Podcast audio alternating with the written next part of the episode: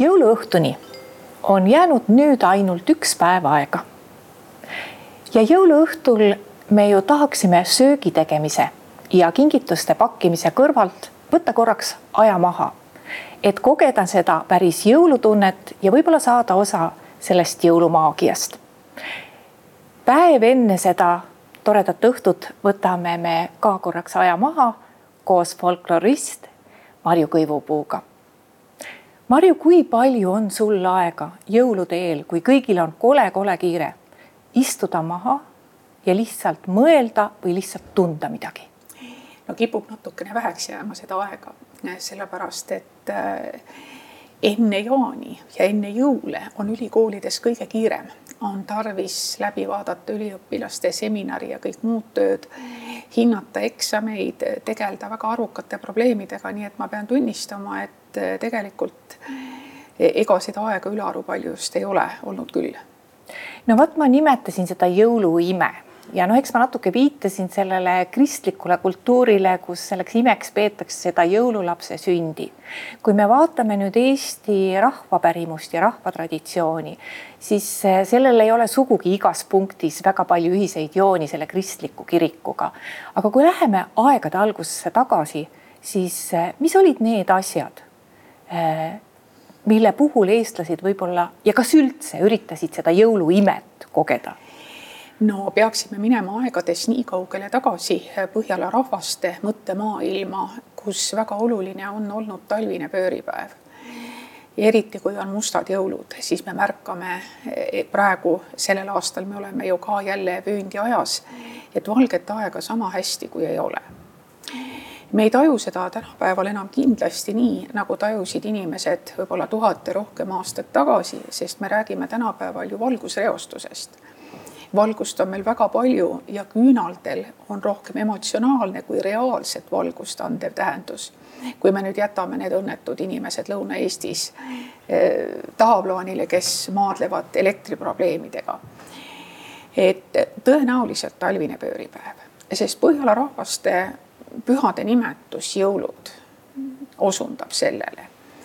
E, väga paljudes maades me räägime, eks ole, et kätte on jõudnud aeg, mida me nimetame Christmas, Kristuse missa on seotud Kristuse sünnilooga ja kristliku maailmavaatega või kui me vaatame slaavi keeltesse, me leiame sealt sellise pühade nimetuse nagu Roždestvo, mis omakorda osundab sellele, et talvise pööripäeva läheduses on kokku lepitud, et me tähistame Kristuse sünnipäeva vastavalt, kes siis nii-öelda vana kalendri järgi ja kes siis uue kalendri järele.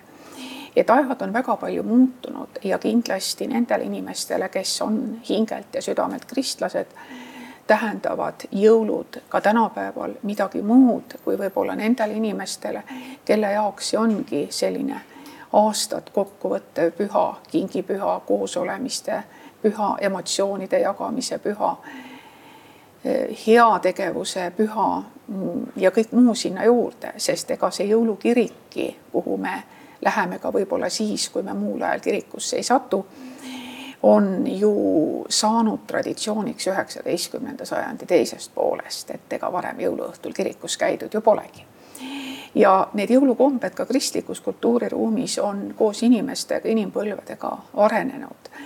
ja eks me siin siis kombineerime kõike seda, mis on olnud enne kristlikku aega, olgu selleks roheliste elujõudu sisaldavate okste tuppa toomine, tänapäeval toome jõulupuu ja kui Martin Luther selle ideega välja tuli, ega tema peale vaadati ka üsna viltu, et miks ta sellist vana kommet juurutab, et toome puu tuppa, riputame häid söödavaid asju täis, eks ole, vihje viljakusriitustele. et kuidas siis nüüd niimoodi, eks ole, et siis jääb see kristluse, Kristuse sünnilugu jääb ju natuke tahaplaanile. no vot, sa nimetasid seda koosolemist ja mul on tunne, et see koosolemine on äh, kohe päris kindlasti ka tänapäeval väga tähtis aspekt, sest et äh, mõnikord võib ju päris pahandus juhtuda, kui keegi jõululauda tulla ei saa ja kole raske võib olla ennast mm -hmm. sugulaste vahel jagada. Äh, miks see koosolemine tähtis on? No küllap see on eriti meie ajal, kus me oleme hästi hargmaised ja e, kui varasemal ajal olid pered koos, siis jõuluõhtu ja esimene jõulupüha oli ikkagi perekonna ja selle talus elava suurpere tarvis ja pärast seda sõideti külla. Ja eks jõulude ajal on oodatud ka esivanemate hingi muistsel ajal koju, neile on jäetud samamoodi toitu ja sauna, sooja vett ja seepi. uuemal ajal läheme kalmistule, süütame esivanemate kalmudel küünla, meenutame neidki hea sõnaga ja küllap see on niimoodi, et aasta on ju tegelikult kokkuleppeline ring. Ja see on nagu selles mõttes nagu me võtame selle aasta kokku, me oleme inimestega koos, me räägime ja siis jälle ülejäänud üksteist kuud püüame siis kõik oma tegemistega olla rohkem või vähem hõivatud. Ja kindlasti ka see aeg, kui me mõtleme sadu aastaid tagasi või mis me nüüd väga sadu mõtleme, võib-olla siin lähemaski minevikus, kus inimene sõltus ju sellest, mida ta ise toiduks kasvatas ja kui palju tal seda kõike oli, siis see koosolemine oli ehk natukene teistsuguse tähendusega, et see on pikkadest väsitavatest töödest ka korraks aja mahavõtmise periood, sest me ütleme, et meil on ka talviste pühad lõunaeestlasena mina ütlengi, et ongi talviste pühad või nagu lätlased ütlevad, eks ole, talvised pühad. et see on nagu selline pikem pühade periood, kus meil on tõesti nii-öelda tänapäeva inimene ütleb, et saba seinast välja, meil on laual head toitu.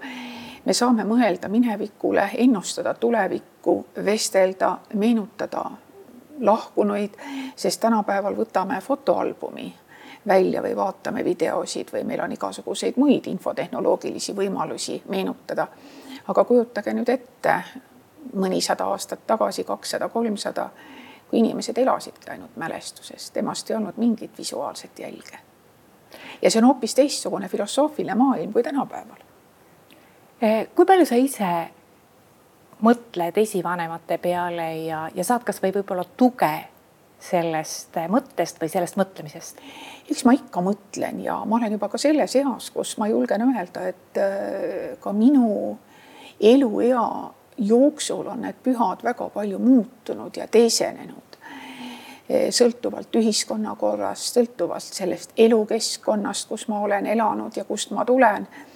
et Äh, juba ainuüksi see annab teatavad mõõtmed, et mina olen juba ju see vana inimene, kui ma olin noore õppejõuna, käisime üliõpilastega nii-öelda välitöödel pärimust kogumas, siis oli kriteerium see, et inimene peab olema vanem kui kuuskümmend. see tähendab seda, et mina olen just nimelt see, kelle juurde noored võiksid juba tulla ja küsima, aga kuidas siis vanasti elati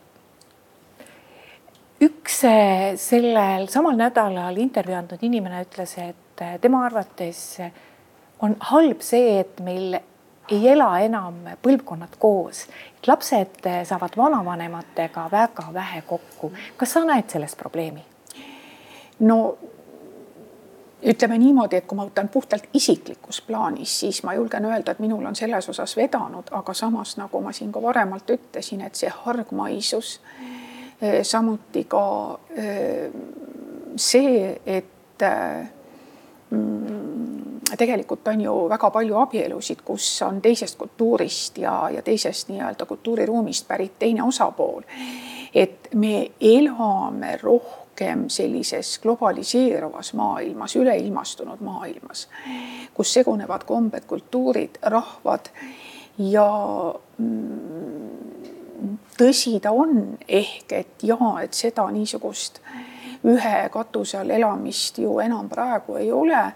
Ega ei oskagi öelda, kas ja kui palju see tänapäeval töötaks, sest me kõik oleme ju väga, väga eriilmelised erinevate arusaamadega, et seda sisulist lähedust saab ehk hoida ka siis, kui võib-olla päris ühise katuse all ehk ei elatagi, sest varem noh, varasemal ajal olid selleks ka väga paljuski pragmaatilised põhjused, sest talu oli majapidamine ja niisuguse kolmeliikmelise või neljaliikmelise tuumikperega seda pidada ei olnud võimalik, see on, see ei tulnud kõne allagi, see pidi olema oluliselt suurem.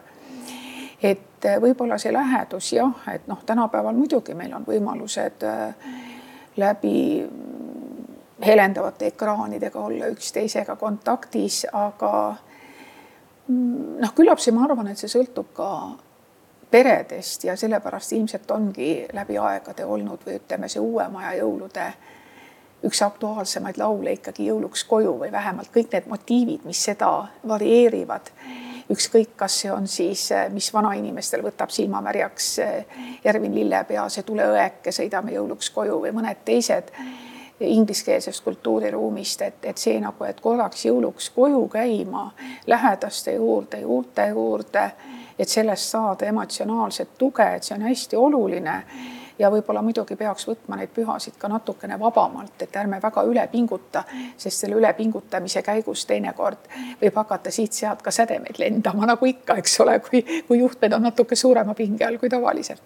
muide, väga mitmed inimesed ütlevadki, et nende jaoks ongi jõulud lihtsalt pühad.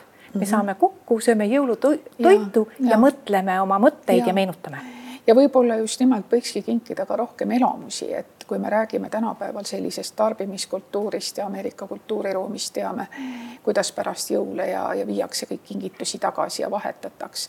et võib-olla peaksimegi kinkima rohkem aega ja, ja positiivseid emotsioone e, üksteisele võib-olla mitte nii väga ehk e, toetama seda konsumeerimiskultuuri, mis omakorda paneb käima tootmisveskid e no vot, meil on ju tohutult võimalusi tänapäeval on. ja kui, kui sa praegu meenutasid seda, seda repliiki jõuluks koju, siis äh, ma tooks veel kaks asja, et toas oleks piparkoogi lõhn ja, ja hapukapsa lõhn. aga selleks tuleb neid piparkooke ja hapukapsast äh, äh, ise teha. et äh, me oleme küll mõneti jäänud natukene rumalamaks, sest et me ei saa kõigi asjadega hakkama, aga, aga selle isetegemise juures on ju tähtis mitte see valmis toode, vaid see protsess ja, ja see tähendab ka seda, et võib-olla me ei peaks alati kangelaslikult võtmagi seda toidu tegemist iseenda peale, vaid see võikski olla meeldiv ühistegevus. lastele ju väga meeldib piparkooke kaunistada, lastele meeldib väga tegev olla ja miks mitte kaasata nad kõikvõimalike ka traditsiooniliste jõuluroogade valmistamisse et pärast ei saaks selline nooremas keskeas inimene ohata, et aga mulle ei ole keegi midagi õpetanud, et võib-olla me ei peaks võtma vastu külalisi nii nagu viie tärni mingisuguses udupeenes hotellis, kus kõik on viimaseni kaetud, vaid teeme need jõulud ise. teeme just nimelt ise, teeme koos. ja mis siis, kui nad võib-olla natukene ühest servast lähevad kõrbema, see annabki selle ainukordse sellise ütleme sellise koduse koloriidi, sellepärast et kuidas see kuidas see Laura ütles Tiit Piibelehele, kui ta hakkas tal seda lipsu sättima, seda kravatit, nagu vanasti öeldi, et see on liiga otse, see ei sobi sulle. et kodused asjad võivadki olla minu meelest natukene sellised heas mõttes kiiksuga, et me eestlastena võib-olla püüame ka nagu liiga sellise perfektsionismi poole, et kõik peab olema tohutult ideaalne ja see on väga väsitav teinekord. kuidas sa ise jõule pead? Mm, noh, sinna kõigepealt muidugi eh, nagu ikka, eks ole, lapsed, lapselaps, et need on, nendega koos olemine on ikka see kõige toredam, sellepärast et eh, me kõik käime natukene omi radu ja ikka see koos veedetud aeg on hästi oluline. kui vähegi veab, mul on kõik lähedaste kalmud on Lõuna-Eestis, ma ikkagi püüan seal käia püüan sättida seda aega ja võib-olla võtan natukene ikkagi ka endale olemiseks, et lugeda, vaadata, mõelda, ühesõnaga vaadata, kui, kui, kuidas lumi langeb, kuidas tihased nokivad akna taga pekki ja seemneid. Ja, ja võtta just nimelt endale ka see pisukese mõtlemise aeg, et mida see aasta on kaasa toonud ja mis uues aastal ja kuidas ja ka võib-olla natuke mõelda sellepärast et ka mina olen selles eas, kus iga aasta viib juba kedagi lähedaste hulgast kaasa ja see annab sellele vanusele võib-olla natuke teise mõõtme, sest inimesi, kelle, keda sa oled tundnud viiskümmend aastat või pisut rohkem, neid ei saa asendada. kas äh, sul oli hea aasta? ma arvan küll, et see oli täiesti selline aasta, millega võib rahule jääda, et, äh, et jahus kõike jagus, jagus päikest, paitavaid tuuli ja võib-olla mõned ilmad, päevad olid natuke vihmased ka. kas teie peres on kombeks, et tuleb ka jõuluvana? no nüüd on vahepeal olnud niisugune aeg, et, et me kõik oleme olnud selles eas, kus ütleme, jõuluvanaks on võimaline, võimalik äh, ja nii-öelda protsessi käigus hetkeks moonduda ja siis jälle moonduda tagasi, aga eh, ütleme, siin on selliseid inimesi juba juurde tekkinud, kellel võiks olla huvi jõuluvana vastu, nii et vaatame. igal juhul me usume jõuluvanasse. sul on endal jõulusalm või jõululaul peas? ja see on mul peas juba peaaegu kuuskümmend aastat ja möödunud aastal ma õpetasin seda Ivo Linnale, kellel oli vaja väga lihtsat lastelaulukest. ja kuna jõuluvana käib väga paljude laste juures, siis tõenäoliselt ta ei jaksa meeles pidada, nii et ma olen siiamaani jõuluvana ära petnud kogu aeg sellega, et ma püüan, püüan siis äh, toetuda traditsioonidele ja sellised vanema põlve jõululaulukesed on ka osa meie kultuuripärandist, kuigi jõuludest on kirjutatud väga ilusaid ja väga sügavmõttelisi luuletusi. kas puudutab see siis väliseesti autorite loomingut sellel ajal, kui Nõukogude Liidus jõule ei tohtinud olla või, või mõnda muud teksti, aga jah, mul on olemas üks selline pisikene lauluke, millega ma püüan ikka hakkama saada. oled sa nõus seda meile jagama? no ikka olen, vaatame, kas tuleb välja ja kuidas tuleb välja, sellepärast et aga samas jälle vanainimesed niimoodi laulavadki, nii et et kui Ivo Linna sai selle selgeks möödunud aastal, siis ma loodan, et ehk eh, võib-olla keegi leiab ka, et, et see on päris, päris tore laulukene ja see käib umbes niimoodi. Tere, kallis jõuluvana, leidsid meie juurde tee ootsime sind kaua-kaua, nüüd kõik rõõmsad oleme. kinkisid mul läinud aastal hobuse ja raamatu. juba loen ja sõidan ratsa, ma ei ole saamatu. kuule, see on väga tore laul. mina õppisin sellega lasteaias selgeks Nonii. Et äh, tuletasid ka mulle meelde, ma küll viisakusest ei hakanud kaasa laulma. aga oleks võinud. aga, aga aitäh, ma kindlasti laulan sel, sel korral oma jõuluvanale, kui ta peaks mind külastama tulema, täpselt sellesama laulu. aga Marju, veel lõpetuseks. mida sa kingiks soovid, kas sul on äh, kiri jõuluvanale kirjutatud, on sul kingisoov? Kirja ma jõuluvanale kirjutanud ei ole, aga ma olen tema peale mõelnud ja mm, jälle kord, eks ole. kui mul on jõuluvanale mingisugune soov, kui ta suudaks selle täita, et järsku oleks maailmas niimoodi võimalik, et inimesed saaks omavahel asjad sõnadega selgeks räägitud, see on kõige olulisem et las inimesed vaidlevad verbaalselt ja, ja las välguvad sõnade vaimukad mõõgad.